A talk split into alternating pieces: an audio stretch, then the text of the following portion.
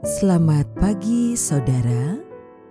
Kembali kita ada di dalam sapaan pagi, mendengarkan Tuhan menyapa kita di dalam firman-Nya.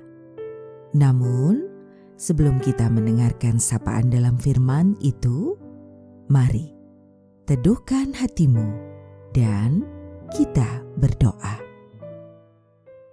Terima kasih ya Tuhan untuk hari baru yang Kau beri. Kami belajar berserah dengan belajar juga untuk mendengar Engkau dalam firman-Mu.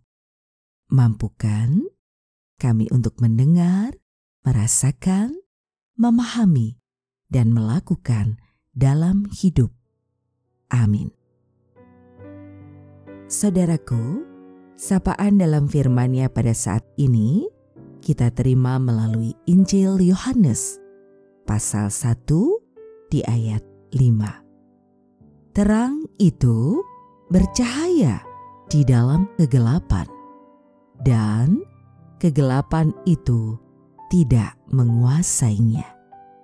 Kita akan refleksikan dalam tema terang yang bercahaya. Kelahiran Yesus Kristus ke dunia adalah cahaya bagi dunia yang gelap karena dosa. Kegelapan dosa tak dapat sirna oleh kebaikan manusia.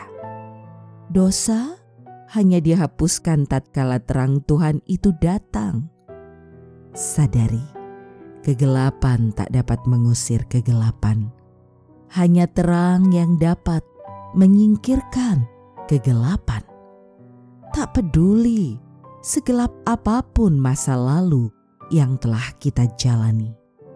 Asal kita mau membuka hati, maka terang ilahi pasti akan menyinari.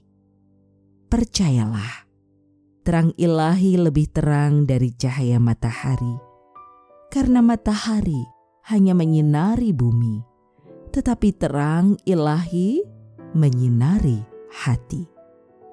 Terimalah terangnya dan bersyukurlah.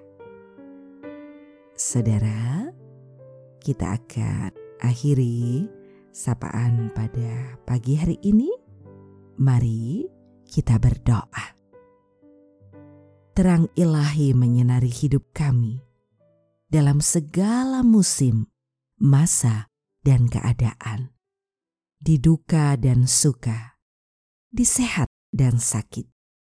Karena itu hanya padamu kami berserah sepenuhnya di dalam engkau, sang sumber terang dan cinta kasih yang sejati, yang menjadi juru selamat atas hidup kami. Dalam Tuhan Yesus, doa ini kami serahkan. Terima kasih ya Tuhan. Amin. Saudaraku, demikianlah sapaan pada pagi hari ini. Terus dengarkan Tuhan menyapa kita di dalam firman-Nya. Saudara bersama saya, Esti Widya Stuti, Pendeta Jemaat Gereja Kristen Jawa Pakem, ada di lereng Gunung Merapi. Tuhan memberkati.